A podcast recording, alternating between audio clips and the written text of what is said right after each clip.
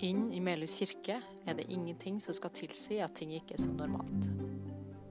Der står kantoren og dirigerer det lille ensemblet med musikkonfirmanter som skal spille på søndagens gudstjeneste.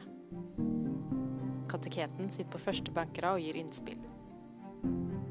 Konfirmantene sitter i en halvsirkel foran det store gullfylte alteret som de har gjort mange en onsdag dette skoleåret. Lyset strømmer inn i kirkerommet gjennom det farga glasset og det er akkurat like mange gullklumper på lenka til lysekronene som det alltid har vært.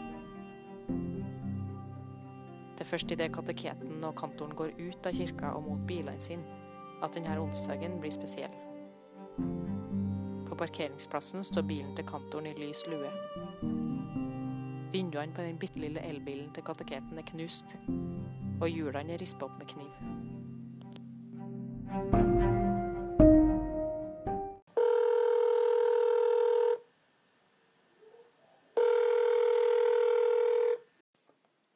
Kirkevergen blir oppringt og situasjonen forklart. Han tar saken i egne hender og oppnevner seg sjøl til detektiv. Han plukker opp de to forvirra damene utenfor kirka, og alle tre kjører til kirkekontoret, sånn at detektiven kan få gjennomført vitneavhør.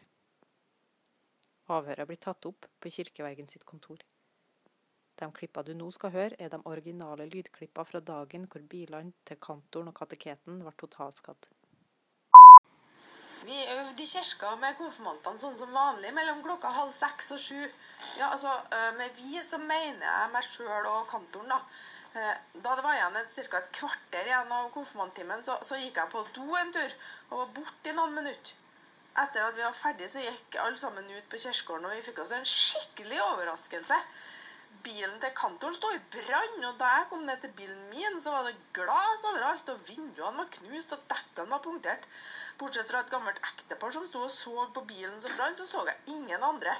Altså, Gubben og jeg har jo nettopp kjøpt oss ny bil, så det var ikke så gærent med den gamle. Men det er jo ikke så koselig å finne bilen sin på den måten her likevel, da. Ja Hva skal jeg si?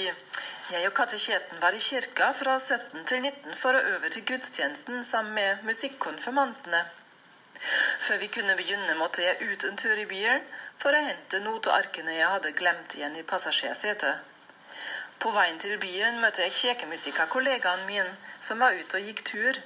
Dette er ikke uvanlig, for hun bor jo like i nærheten og er glad i å gå tur. Etter jeg kom inn igjen, gikk konfirmanttimen som normalt. Vi var alle samlet i kirka frem til vi gikk ut etter timen var over, og vi sa ja, du vet, bilen var blitt ødelagte. Jo, forresten. Mot slutten av konfistimen var katekjeten på do en tur. Hun var kanskje borte i fem minutter eller noe sånt. Da vi kom ut av kirken, sto bilen min og brant som bare det. Ved spørsmål om hvem som kunne stå bak hærverket, hadde verken kantoren eller kateketen noe svar å gi.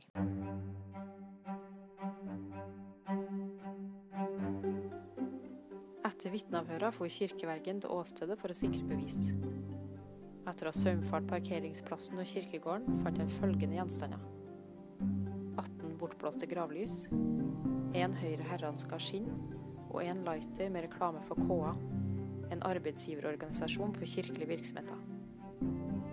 I nysnøen rundt de to bilene var det mange fotavtrykk av ulik størrelse. Det var ingen spor etter den andre bilen.